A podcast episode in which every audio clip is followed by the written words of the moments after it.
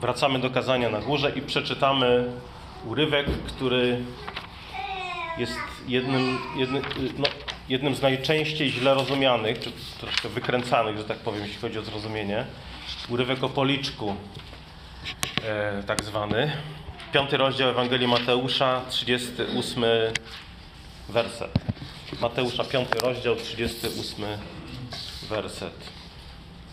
Słyszeliście, już powiedziano oko za oko, ząb za ząb. A ja wam powiadam, nie sprzeciwiajcie się złemu, jeśli cię kto uderzy w prawy policzek, nadstaw mu i drugi. A temu, kto chce iść z tobą, kto chce się z tobą procesować i zabrać ci szatę, zostaw i płaszcz. A kto by cię przymuszał, żebyś szedł z nim jedną milę, idź z nim i dwie. Temu, kto cię prosi, daj, a od tego, który chce od ciebie pożyczyć, nie odwracaj się. Ojcze, żyjemy w pokoleniu, które jest jak spieczona pustynia, a Twoje słowo jest ta, jak ta chłodząca, orzeźwiająca woda. Panie, jesteśmy jej spragnieni i teraz o nią prosimy i prosimy o to przez imię Jezusa. Amen. Te wersety były bardziej niż jakiekolwiek inne w kazaniu na górze. Były źródłem yy, zamieszania, błędnej interpretacji. Niektórzy uznali, że zgodnie z tymi wersetami Pisma Świętego Jezus naucza o pacyfizmie, Jezus yy, naucza o anarchizmie, że znosi w ogóle rząd, że znosi sprawiedliwość, że znosi sądownictwo, że zawsze i w każdej sytuacji powinniśmy nadstawiać drugi policzek. To jest jedna skrajność. Na drugim biegunie jest interpretacja, która jest bardziej powszechna w konserwatywnych środowiskach. I ta interpretacja polega na tym, że ograniczamy słowa Jezusa o nadstawianiu drugiego policzka wyłącznie do takiej osobistej, indywidualnej etyki. Czyli zgodnie z tym poglądem Jezus nie mówi tutaj o tej etyce publicznej, społecznej, a jedynie o tym, co robimy w życiu osobistym. I z tego wynika, że życie publiczne, życie no, ogólne, można powiedzieć, działa według innych standardów etycznych. Czyli człowiek powinien być moralny, etyczny, etyczny prywatnie, no ale społeczeństwo działa według swoich własnych zasad. Ale Pan Jezus nie robi tutaj różnicy między człowiekiem moralnym a niemoralnym społeczeństwem. Nie robi tu różnicy między publicznym a prywatnym. Pismo Święte nie kreśli takiej żadnej wyraźnej linii, jeśli chodzi o etykę prywatną i publiczną. To jest raczej nowy, współczesny wynalazek. Istnieje na przykład y, również w kręgach chrześcijańskich tak zwana teologia dwóch królestw. Czyli mamy dwa, według tej y, opinii mamy dwa królestwa. Mamy Boże Królestwo i Królestwo Człowieka, świeckie królestwo, które są od siebie odseparowane, oddzielone. W jednym królestwie rządzi Bóg, w drugim królestwie rządzi człowiek. Te królestwa są oddzielone od siebie wysokim murem, jeszcze otoczonym drutem pod wysokim napięciem i niech jeden król nie wtrąca się w drugiego królestwa. Natomiast Biblia przedstawia sprawę zupełnie inaczej, że istnieje jeden król, jedno królestwo, ale można powiedzieć, że w tym królestwie, które Jezus zapoczątkował, wciąż istnieją obywatele, którzy są niewiernymi sługami króla. Yy, czyli w tym królestwie król ma wiernych lub niewiernych obywateli. I tutaj możemy też zaliczyć do nich rządzących. Są albo wiernymi, albo niewiernymi obywatelami królestwa. Yy, nie są panami, nie są panami królestwa. Yy, królestwa jakiegoś odseparowanego od Pana Boga. Są sługami Bożymi, których Pan, gdy wróci, rozliczy i staną przed Nim. Czyli Jezus chce, żeby Jego nauczanie było przestrzegane przez wszystkich, we wszystkich sferach życia. Oczywiście w pierwszej kolejności mówi o uczniach, ale też wzywa wszystkich rządzących, królów, sędziów, aby stali się uczniami Jezusa i przestrzegali Jego słowa. Czyli jeżeli ktoś staje się chrześcijańskim sędzią albo chrześcijańskim policjantem, to Jezus chce, żeby był Jego uczniem jako policjant, jako sędzia. Jeżeli ktoś jest prezydentem Polski, musi podążać za Jezusem jako prezydent. Nie tylko w życiu prywatnym, ale też w życiu publicznym. A to oznacza przestrzeganie przykazań Jezusa To, o, chociażby to, o którym dzisiaj czytaliśmy. O miłości do wrogów. Również w jego publicznych obowiązkach. Nie tylko w prywatnych. Dalej, powinniśmy zauważyć, że przekazanie Jezusa, żeby kochać yy, i miłować wrogów, nie eliminuje takiej kategorii jak wróg. Jezus mówi: miłuj wrogów. Niektórzy oznaczają, że niektórzy mówią, że to oznacza nie miej żadnych wrogów, że chrześcijanin nie ma wrogów, nie traktuj nikogo jako wroga. Nie, Jezus mówi kochaj wrogów, co oznacza, że taka kategoria jak wróg, takie słowo jak wróg istnieje. E, I Pan Jezus uczy nas, jak postępować z wrogami, czyli kochać ich, czyniąc dobro. I teraz w jaki sposób ich traktować? Niektórzy odczytują te słowa Pana Jezusa jako pozwalaj im czynić zło. Po prostu nic nie rób. Bądź, bądź bierny. Yy, tego typu interpretacje wynikają yy, z tłumaczenia, które nie do końca jest adekwatne. Werset 39 gdzie Pan Jezus mówi, a ja wam powiadam, nie sprzeciwiajcie się złemu, jeśli kto cię uderzy w prawy policzek, nadstaw mój drugi. I tutaj niektórzy stwierdzają, no okej, okay, to jest powiedziane przecież, że mamy się nie sprzeciwiać się, mamy nie sprzeciwiać się złemu. Yy, nie do końca jest to adekwatne tłumaczenie. Myślę, że bardziej tutaj na przykład mamy tłumaczenie Biblii Poznańskiej, gdzie jest powiedziane, nie zwalczajcie zła złem. Nie zwalczajcie zła złem. Tłumaczenie naszej Brytyjki nie sprzeciwiajcie się złemu, albo inne mówią nie stawiajcie oporu złu, to nie są jakieś dramatycznie złe tłumaczenia, biorąc pod uwagę samą gramatykę tutaj yy, tych słów greckich, ale one nie do końca oddają kontekst tego urywka i samej Ewangelii. Nie? Możemy zapytać, to jak? To Pan Jezus nie sprzeciwia się złu? skoro nam mówi nie sprzeciwiajcie się złemu? No oczywiście, że się sprzeciwia. Sam Pan Jezus sprzeciwia się diabłu na pustyni, sprzeciwia się faryzeuszom, stawia, można powiedzieć, opór całemu złu świata w swojej śmierci i zmartwychwstaniu. Także Jezus w całej swojej służbie przeciwstawia się złu, ponieważ jego głównym pouczeniem dla uczniów jest właśnie naśladowanie go, jego przykładu. A on się sprzeciwia złemu. Dlatego w kazaniu na górze nie uczy nas, żebyśmy byli bierni, pozwalali złu działać, nie sprzeciwiali się złu. Yy, dlatego lepiej to przetłumaczyć właśnie, nie, nie opieraj się złu zły, złymi środkami. To jest jakby wymowa tego urywka. Nie sprzeciwiaj się złu złem. Chyba też yy, tłumaczenie Biblii edycji świętego Pawła też to tłumaczy. Ja wam powiadam, nie zwalczajcie zła złem. I myślę, że to, to jest to, o co, o co chodzi. To, to jest właśnie naśladowanie Jezusa. Nie zwalczaj zła złem.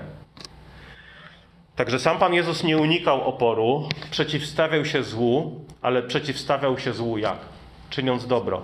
I teraz wzywa swoich uczniów do tego samego. Opieraj się złu. Jak? Czyniąc dobro. Nawet wrogom. I to jest przełom. To jest prawdziwy przełom i radykalizm, który stoi za tymi słowami Pana Jezusa w kazaniu na górze. Tutaj Pan Jezus cytuje prawo, e, fragment prawa Bożego, zwane lex talionis, czyli prawo kary. Na przykład w Księdze Wyjścia jest powiedziane, że będziesz, zacytuję to, Księga Wyjścia 21, 20, 24. Oko za oko, ząb za ząb, rękę, ręka za rękę, nogę za nogę. Nie? Oko za oko, ząb za ząb i tak dalej. To była po prostu zasada sprawiedliwości cywilnej w prawie Bożym, w Starym Testamencie. Jeżeli ktoś wyrządził komuś krzywdę albo uszkodził mienie, to musiał naprawić to, co uszkodził, albo doznać podobnej szkody na sobie.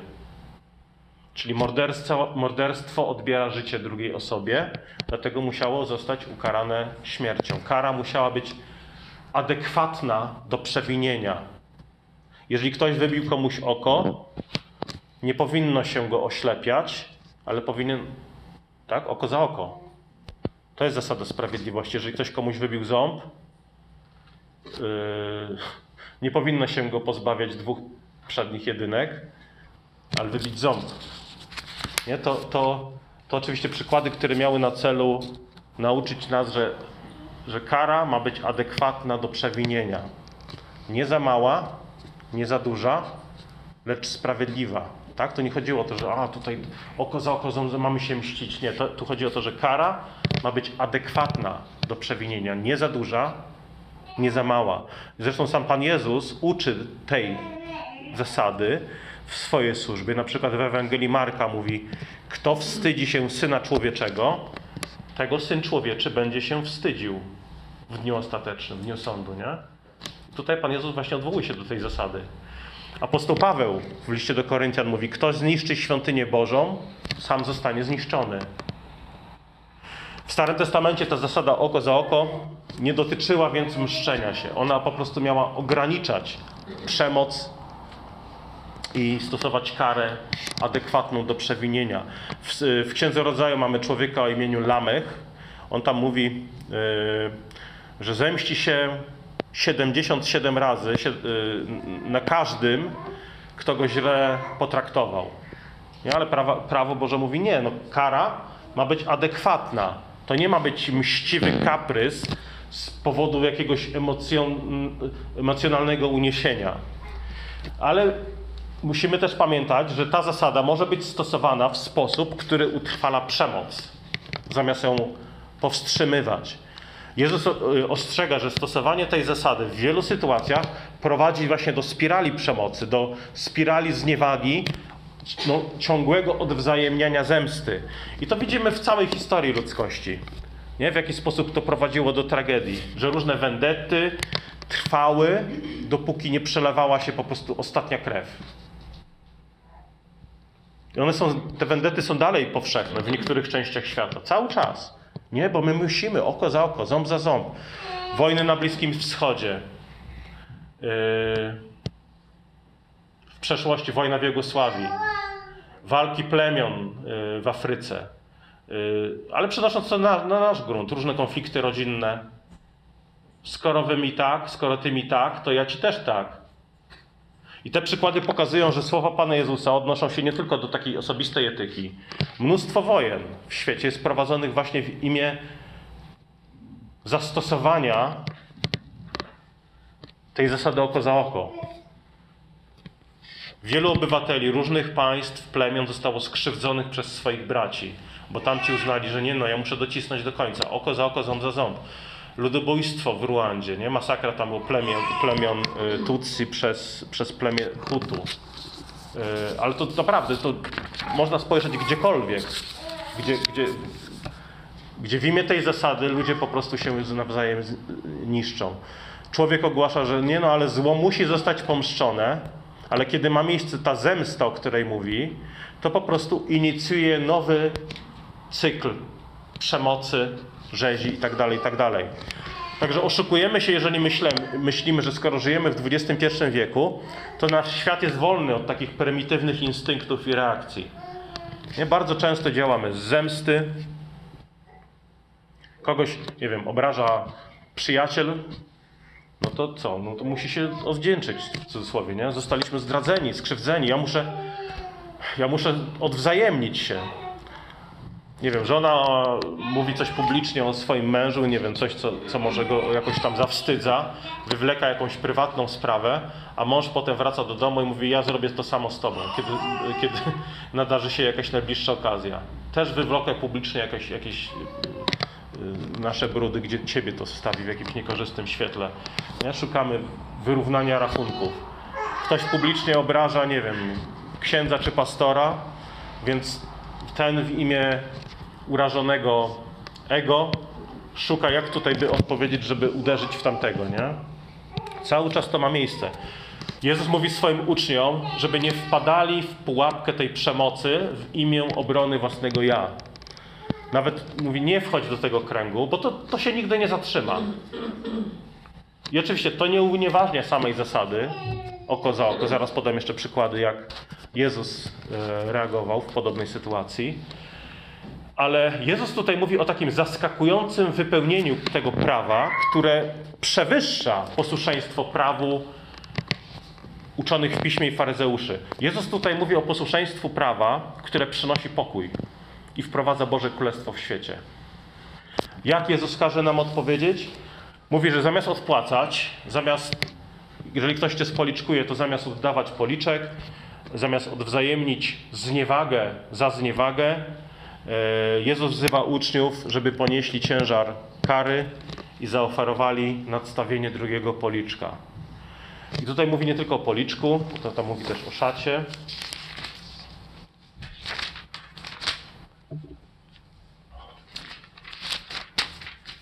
Temu, kto chce z Tobą się procesować i zabrać Ci szatę, zostaw i płaszcz.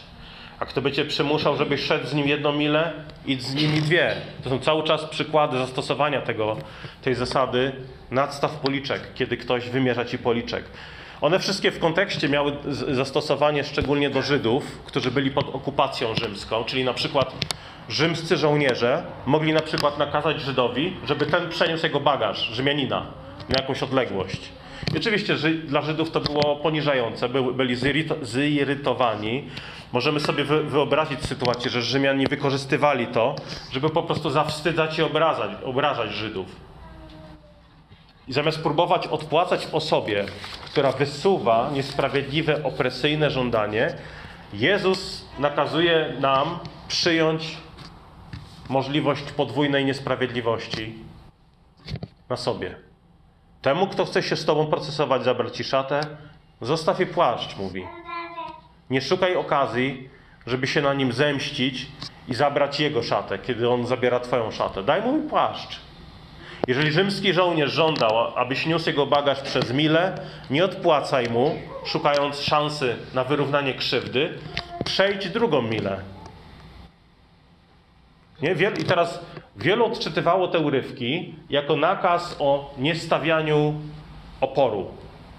Pacyfizm, w ogóle nie sprzeciwiajmy się złu. Yy, ale znowu, nie o to tu chodzi. Jezus zabrania nam wchodzenia właśnie w ten cykl zemsty i kontrataku, yy, yy, ale zabrania nam również bierności. Zabrania nam bierności. Jezus nie chce, żebyś po prostu milcząco zaakceptował zło i w ogóle się nie opierał. Nie mówi, żebyśmy byli bierni, kiedy ktoś na przykład chce cię pobić albo pobić kogoś z twojej rodziny. I że o, masz być milczący, masz to przyjąć na klatę i w ogóle nic nie robić. Jezus nie mówi tu o zaciskaniu zębów, kiedy ktoś odbiera ci płaszcz. Nie mówi o tym, że ktoś zabiera ci płaszcz, a ty masz po prostu płonąć w środku, no bo co, nie masz wyboru. Tak? To nie jest żadne odkupieńcza sprawy, to nie jest posłuszeństwo yy, temu przykazaniu. To nie jest żadna prawość, to jest po prostu milcząca akceptacja zła. To jest nierobienie niczego. Bo może nie masz możliwości, żeby cokolwiek w tej sytuacji zrobić. Jezus uczy, ale ewangelicznej formy oporu, w której dobro triumfuje nad złem.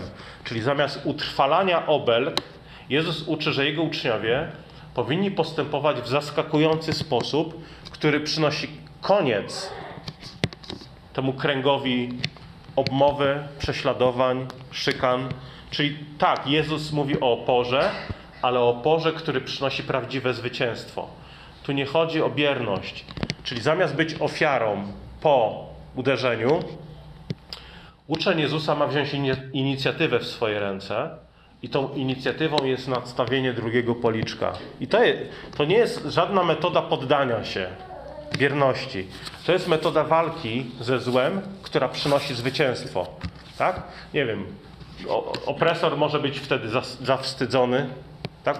Uderzenie może uczynić kogoś takim, o, bardziej męskim, ale uderzenie kogoś, kto nadstawia drugi policzek, czyni tego kogoś po prostu zdeprawowanym, głupim, bez, bezwstydnym. Chyba, że będzie tego żałował, że się nawróci. No i do tego ma prowadzić postawa uczniów. Do świadectwa i nawrócenia. Czyli znosisz prześladowania czy obelgi nie dlatego, że jesteś tchórzem, ale dlatego, że to jest Chrystusowa droga zwycięstwa. Ona prowadzi do prawdziwej siły w Tobie i przemiany serca u tych, którzy widzą Twoją postawę.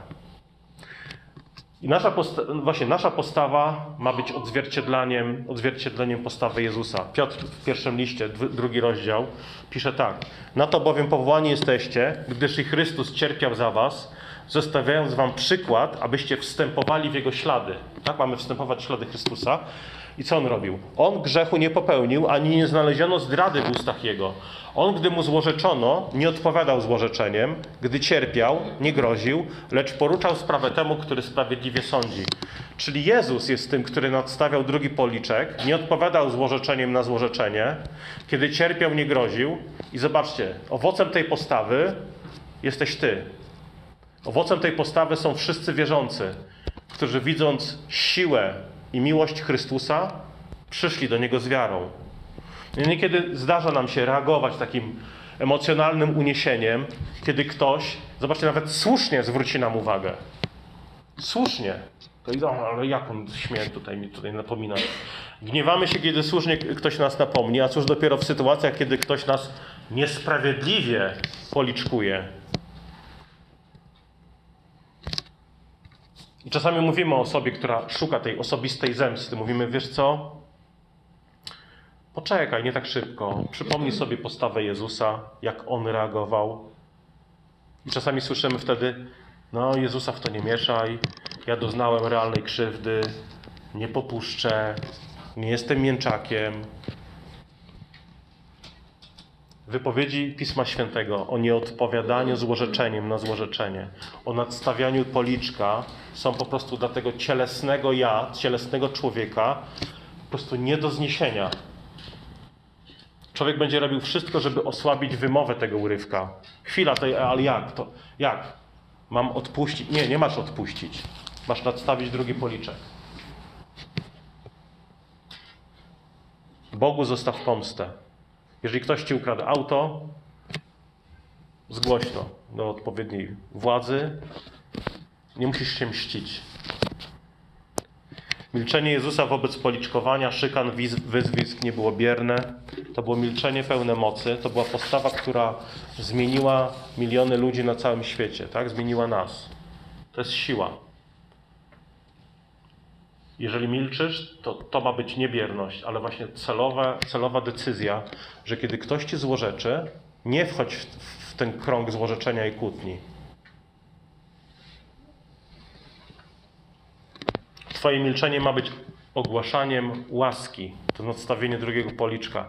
Nie tylko bierzesz uderzenie na siebie, ale bierzesz na siebie także uderzenie, które Ty możesz w tym momencie wmierzyć w imię sprawiedliwości. Bądź jak Jezus, który bierze na siebie ciosy, które powinny spaść na Niego.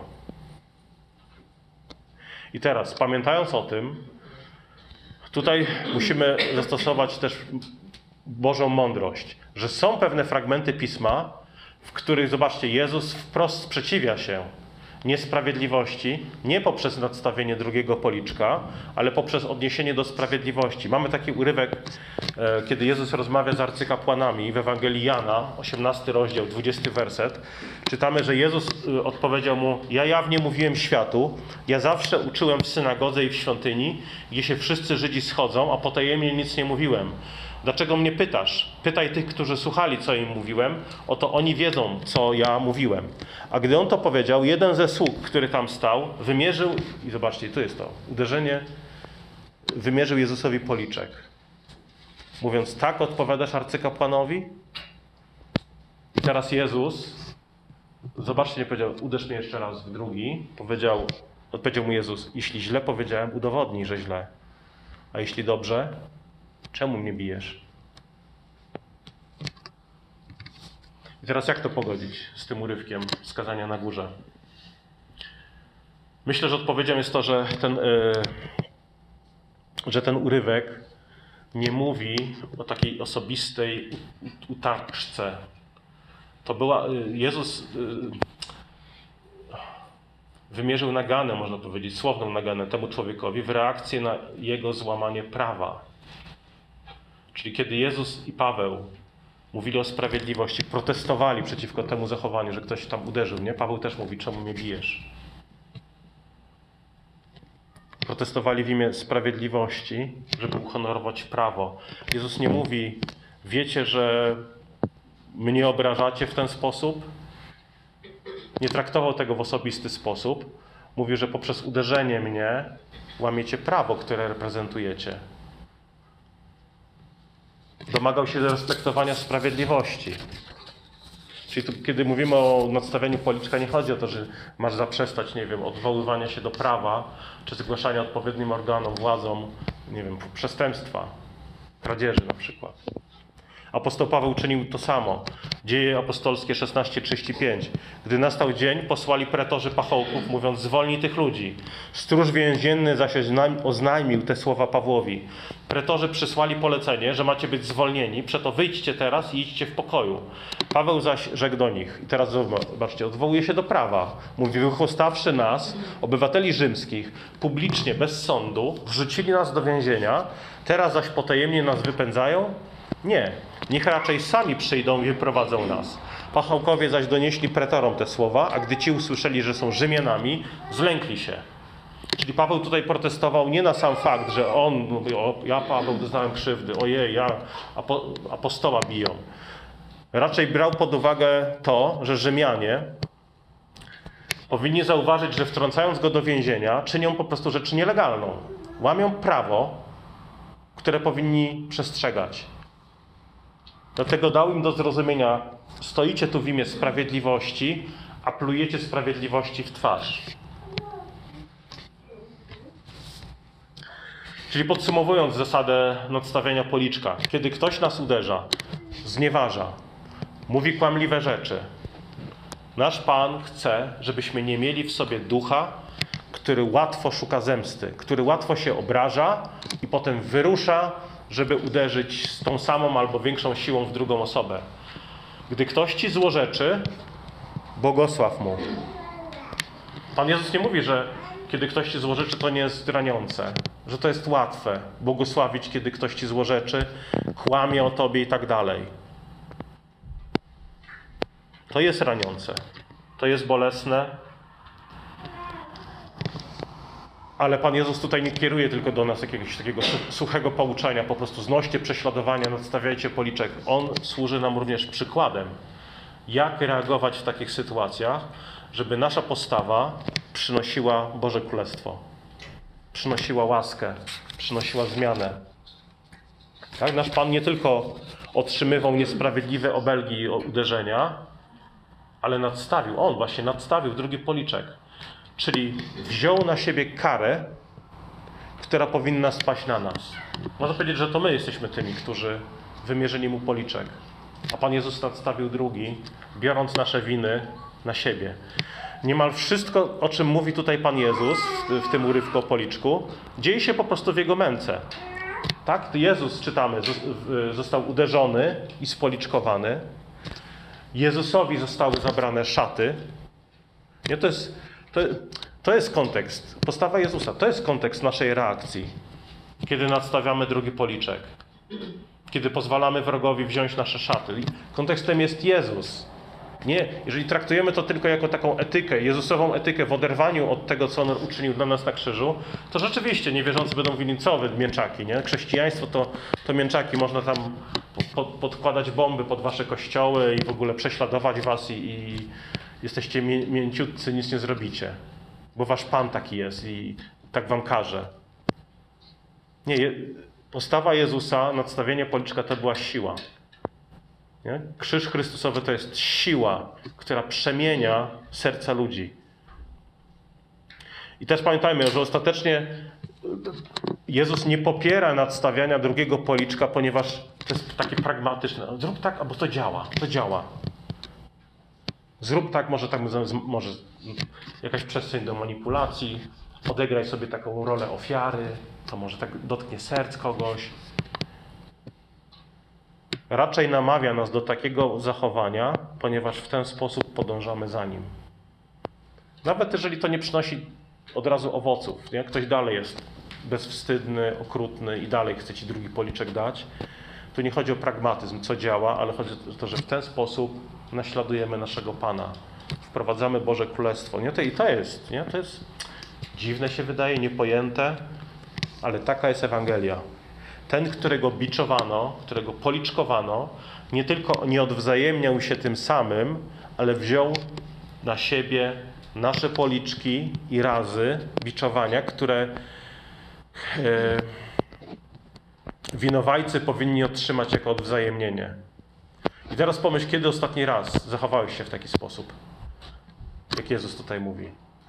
Kiedy wziąłeś na siebie ten, ten drugi policzek, kiedy nastawiłeś drugi policzek? Nie, żeby odegrać się publicznie, tam, żeby zrobić siebie ofiarę publicznie, ale do tego, że to jest postawa Chrystusowa, że chcę naśladować Jezusa. Nie muszę się mścić, nie muszę, nie wiem, w internecie odpisywać albo na żywo odpowiadać w tym duchu, w którym ktoś do mnie mówi. Jeżeli znamy Jezusa, nie powinniśmy dziwić się tym słowom, bo na tym polega ten radykalizm kazania na górze. Chcesz być uczniem Jezusa? Wstępuj w Jego ślady. To jest wielkie wyzwanie dla nas wszystkich, ale to ma moc. Przemienienie nie tylko tych, którzy widzą nadstawienie drugiego policzka, ale to jest przede wszystkim coś, co przemienia nas. Szaweł e, widział kamienowanego Szczepana. Niedługo później sam się nawrócił i też nie reagował złem na zło, ale zło zwyciężał dobrem. No I tu prawda właśnie o drugim policzku przemieniła nas. Bóg nie oddał nam tak, jak na to zasłużyliśmy. Nadstawił drugi policzek, to nas zmieniła. Zmieniło. I taka postawa, jeśli będzie obecna w naszym życiu, będzie zmieniała nas, innych ludzi, będzie wprowadzała Boże Królestwo tam, gdzie Cię Bóg powołał. Pomódlmy się. Dobry, dobry Ojcze, usłyszeliśmy Twoje słowo. Chcemy słuchać Twojego słowa, chcemy uczyć się Twoich stóp i modlimy się, aby Duch Święty był aktywny w naszych sercach, w naszych rodzinach, we wspólnocie naszego Kościoła, czynił nas w równym stopniu słuchaczami, jak i wykonawcami Słowa Bożego. I modlimy się o to w imieniu Jezusa. Amen.